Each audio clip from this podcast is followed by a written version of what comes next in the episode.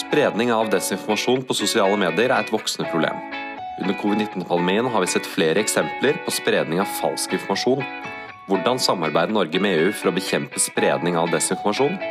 I denne episoden av EU-delegasjonen får du høre ambassadesekretær Christian Gare fortelle om dette. Hva er misinformasjon, og hva er desinformasjon? Det er jo begge deler snakk om feilaktig eller villedende informasjon. Uh, og Forskjellen er at uh, misinformasjon det er noe som bare spres uh, på nettet av folk uten egentlig å ville skade noen eller skape problemer. Det, det kan være at man, man tror på det. Desinformasjon, da tenker man på at det er en, en aktør et eller annet sted. Det kan f.eks. være en stat som på en måte ligger bak gjennom noen mellommenn kanskje, på sosiale medier og sprer informasjon Eh, aktivt villedende og, og, og, feilaktig informasjon. Da. Med, med forsett om å uh, forårsake en form for effekt, en form for skade. Um, man kan gjerne dele typen skade også i to, litt sånn skjematisk. da.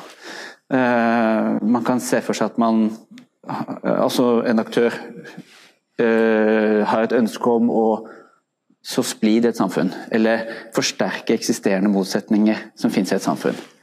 Uh, en annen målsetning kan være å ønske å um, påvirke meningsdannelsen i en bestemt retning i et annet samfunn.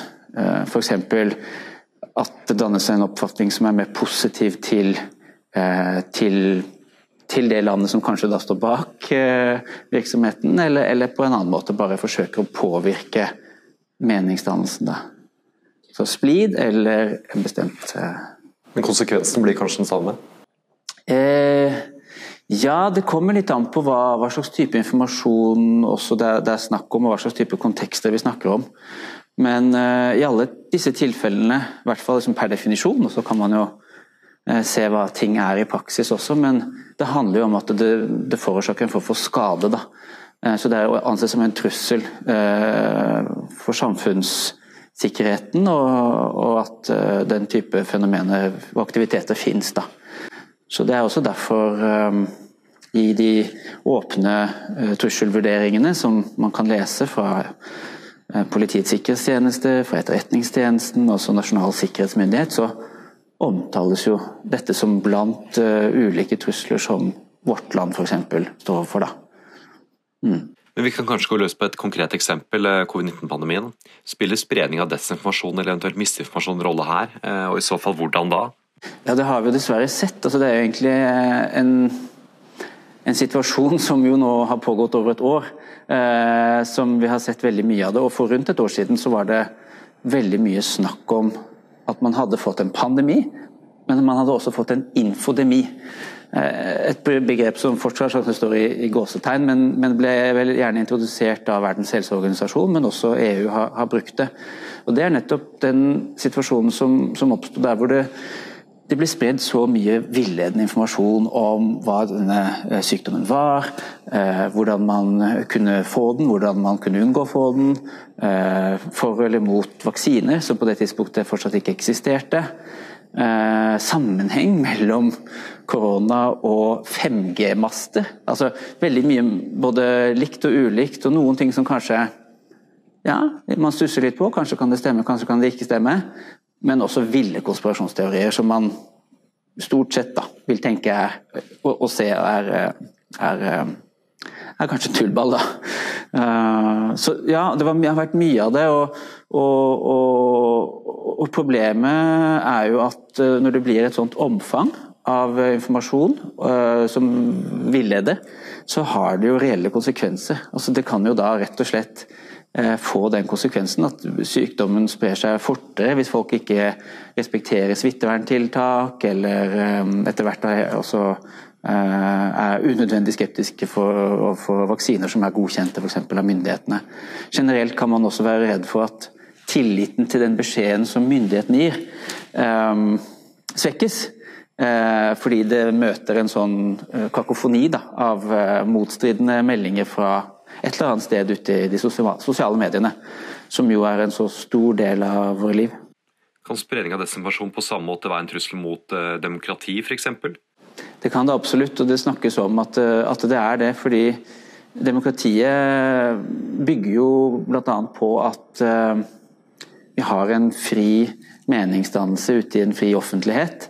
Så uh, det gjør oss jo på en måte både sårbare og også robuste egentlig i møte med desinformasjon. Fordi det er denne tvetydigheten ved at uh, det er selvfølgelig ytringsfrihet, så alle kan si hva de vil, altså med noen ytre rammer, men, men, i veldig stor utstrekning er det fri, frie ytringer. Uh, og da, da, er det jo lov å komme med eh, gal informasjon. Det er ikke ulovlig å, å, si ting som ikke er sant. og samtidig har vi da muligheten til å uh, si, Man har troen på at gjennom en fri meningsutveksling, som har vært der over tid, og gjennom demokratiske prosesser med valg osv., så, videre, så har man uh, også en relativt stor tillit da, i, i, samfunn. En, en større tillit mellom borgere og institusjoner i teorien, og i, ofte i praksis også i demokratiske samfunn, som utgjør en motvekt. Da. Men problemet her oppstår jo når eh, misvisende informasjon, feilaktig informasjon, får en veldig stor spredning. Eh, eh, og det er jo både en del av hvordan denne infrastrukturen som disse budskapene beveger seg gjennom, altså de sosiale mediene selv, er skrudd sammen sånn at det disse selskapene tjener jo penger på at informasjonen øh, spres og blir lest, og at det er deres det er trafikk da, på disse tjenestene. Og Trafikken får de hvis det er øh, noe som engasjerer, og ofte er det øh, sånn at man engasjeres av sterke budskap. og sterke budskap blir sånn sett gjennom sånne algoritmer, altså hvordan dette er Eh, bygd opp eh, dataprogrammeringen som ligger til grunn for den infrastrukturen, gjør ofte at eh, sterke budskap kommer først i nyhetsfeeden osv. Så, videre. så det er den ene siden eh, av hvorfor det skjer, og det er da et problem for demokratiet pga. meningsdannelsen og sånn som blir eh, forpurra. Men det er også det at eh, det kan da stå aktører Eh, et sted utenfor landets grenser. Eh, kanskje med mellommenn eller eh, uvitende mellom menn og kvinner på, innenfor grensen. Som formidler budskap som kan være veldig splittende. Bygge på eksisterende splittelser i et samfunn. Og det har vi jo ikke vi, men det er dokumentert fra valget i 2016, altså det amerikanske presidentvalget. Særlig gjennom denne etterforskningen som eh, Müller står bak. Eh, Müller-rapporten. og der, der, står det jo ganske detaljert beskrevet hvordan russiske uh, Nærmest fabrikker da, av, av sosiale med sosiale mediekonti som ble, som ble, operert av personer, men delvis også automatisert. Så det fikk et voldsomt stort omfang. og hvor man spredde da eh, aktivt budskap som traff nerver i det amerikanske samfunnet. Altså Splid som, som det finnes kimer til, selvfølgelig, og som kanskje også er sterke motsetninger i det samme samfunnet. Eh, på, på, på rasespørsmål, på spørsmål som våpen for eller mot, eh, som er dessverre stadig aktuelt. Det kan være andre typiske identitetspolitiske markører, som vi kan si. altså spørsmål som engasjerer veldig sterkt. Hvordan stopper man dette? Hvordan stopper man spredning av, av, desinformasjon? Det er jo ikke sikkert at man kan det. Da. Man har egentlig ganske begrensede midler mot det, eller for å stoppe det. Så Man kan tenke på det som en teoretisk mulighet, men man må også tenke på hva man kan gjøre for å være eh, motstandsdyktige i samfunnet eh, til å tåle at den type informasjon spres. Jeg tror man kan begynne der, i hvert fall. Eh, vi trenger å bevisstgjøre oss selv og, og, og folk rundt oss. Og, og, statene har en oppgave i å bevisst, bidra til bevisstgjøring i sin befolkning. Og, støtte også uavhengige medier og alt det som er en god eh, flora og fauna da, i, i liksom mediemangfold og, tilgang til, til informasjon uh, i alle land. Eh, det er en viktig forutsetning for demokratiet. Og så er det at det kan bevisstgjøres om disse utfordringene, at det faktisk finnes disse fenomenene. Beskrive dem, slik at det kan skapes en form for um, uh, ja, skal ikke kalle det vaksinering, men det blir i hvert fall en slags, det blir noen antistoffer der da, rundt omkring i befolkningen som aktiveres når disse beskjedene kommer på skjermen. Og så tenker man hm, ja ja, man det. Kanskje ikke heller skal spre det noe videre og bare la det ligge. Og så er det jo Så det er noe av det man i hvert fall kan gjøre. Så kan man jo se for seg at, at, at det gjør jobben enda viktigere eh, for de som ønsker å komme ut med riktig informasjon. At man faktisk er målrettet, presis og, og, troverdig. Så de som kommuniserer, sånn som myndighetene da, i en krisesituasjon som koronaen, har jo veld, har en høy terskel å skulle over for å nå frem og hjem med den informasjonen som, eh, som folk tror på. Eh, at det er både lett forståelig, at de personene som fremfører den er tillitvekkende og sånn. Uh, og I Norge har vi f.eks. en Nakstad uh, og andre gode uh, representanter som kan, som kan, formidle på en troverdig måte den informasjonen som er viktig for alle å få med seg. Ja, så kan man for så vidt også snakke om mot altså, En stat kan jo velge å kommunisere eksternt også mot Eh, altså Ikke bare berolige eller informere befolkningen sin, men også ha en form for strategisk kommunikasjon eksternt i verden. Da, for å korrigere eller fremme et, et, et bilde av f.eks. Nå er vi i Brussel.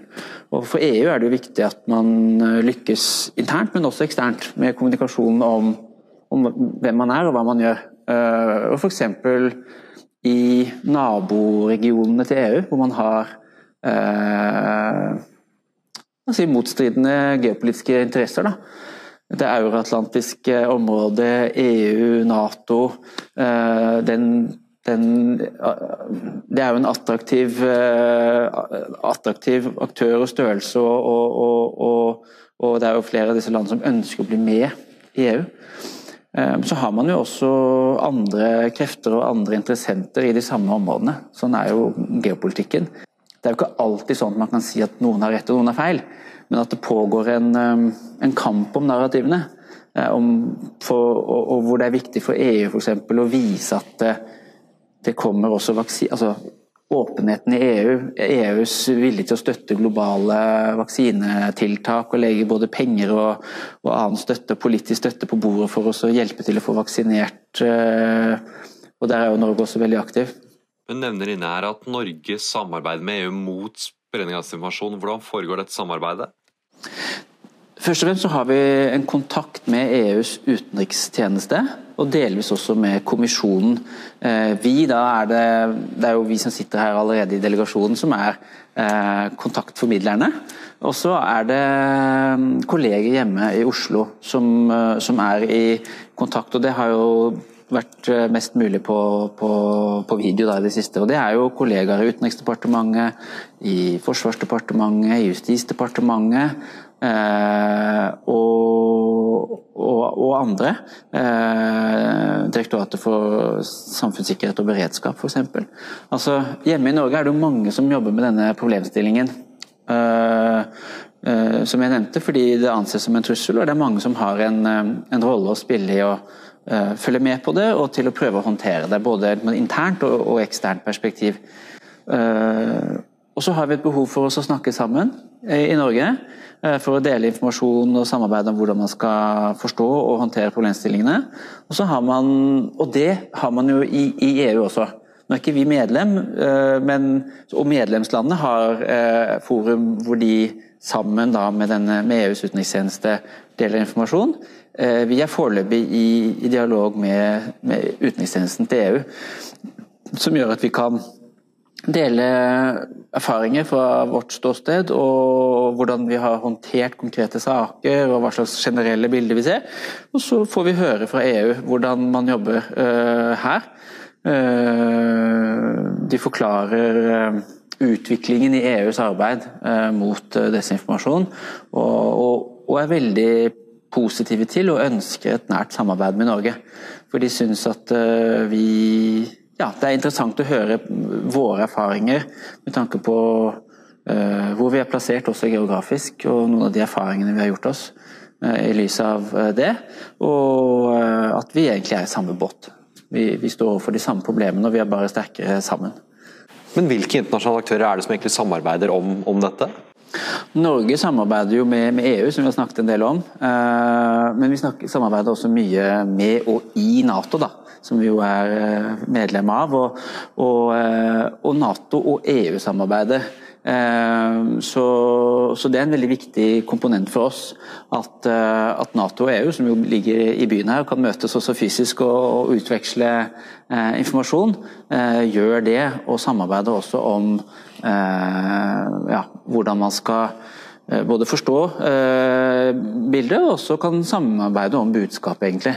Eh, og, og, så er det jo også andre allierte og nære venner som vi, vi samarbeider med. Eh, og det er jo eh, sånn som Storbritannia, og det er eh, USA og også land som Canada og Australia er ganske aktive eh, internasjonale samarbeid. Og Det finnes også, kan nevnes i, i Helsinki, et eh, eget senter for, eh, altså hybrid, eh, for hybride trusler, som er, en, eh, som er, stiftet av EU og Nato sammen, og hvor Norge også bidrar.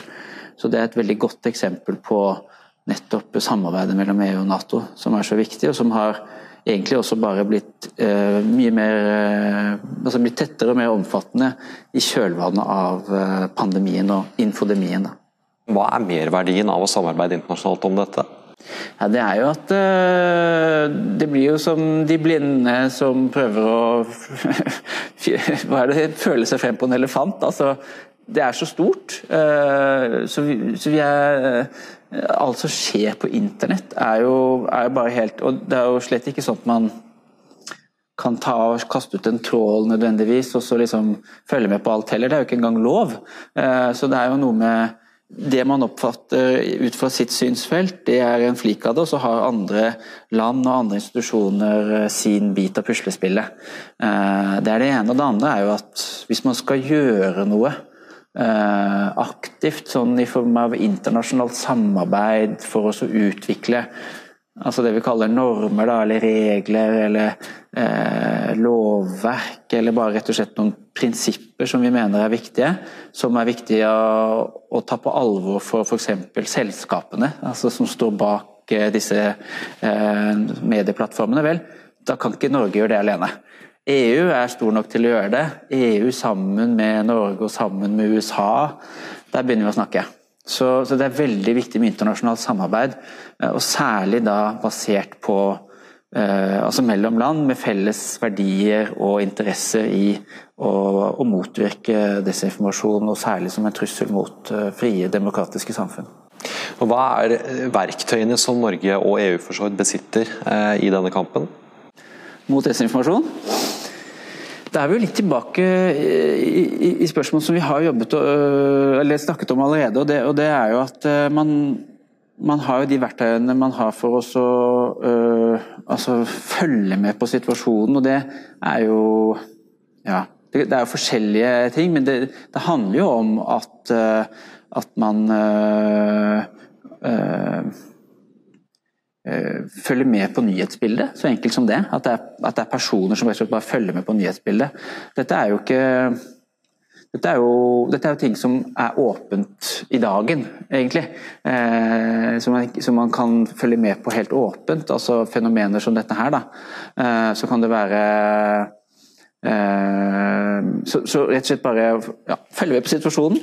Eh, men så er det også eh, det som går på den særlige rollen til EU, da, som har eh, eh regelverksutformings... Eh, liksom, regelverk for det indre marked, som også gjelder det digitale, hvor det kommer nytt regelverk. Der har jo EU en, en, en spesiell rolle, eh, og som også er relevant for Norge gjennom EØS-avtalen. Eh, og som går på hvordan man da kan se for seg at man kan ansvarliggjøre selskapene, som er særlig de store, da, til også måte begrense eh, den liksom eksponentielle eh, spredningen av skadelig informasjon. At de skal ta et større samfunnsansvar. Og at det ikke bare skal være frivillig, men det skal være noe de er forplikta til å gjøre. Eh, og det er en rolle som EU har ambisjoner om å fylle nå eh, i de nærmeste årene, som er veldig interessant i, i dette bildet, og som, hvor de er en foregangs... De er i front, da. Eh, men det er mange avveininger eh, mellom eh, ytringsfrihet og regulering, og mellom regulering og fri flyt av, av tjenester og, og, økonomiske interesser og, og sånn. På den andre, så, så, det er ikke opplagt hva svaret er, men, men de prøver. og så er det jo også bare det å være da sammen, som jeg sa. Det nettverket man får av aktører som som, eh, som kan samarbeide eh, også om eh, utadrettet kommunikasjon, er nyttig. Og også om å støtte de frie medier i sårbare land. Og særlig da kanskje i Europas naboregioner, som er under press fra mange kanter, og hvor kanskje ikke det finnes ressurser til de frie mediene, så kan de få støtte. Og Det er jo også noe Norge bidrar uh, veldig aktivt til eh, i EU også, gjennom EØS-midler. Eh, men også utenfor det rommet der. fordi vi er så opptatt av betydningen av frie medier for, for demokrati og menneskerettigheter. Og, og, og, så det er noe som norske regjeringen legger stor vekt på.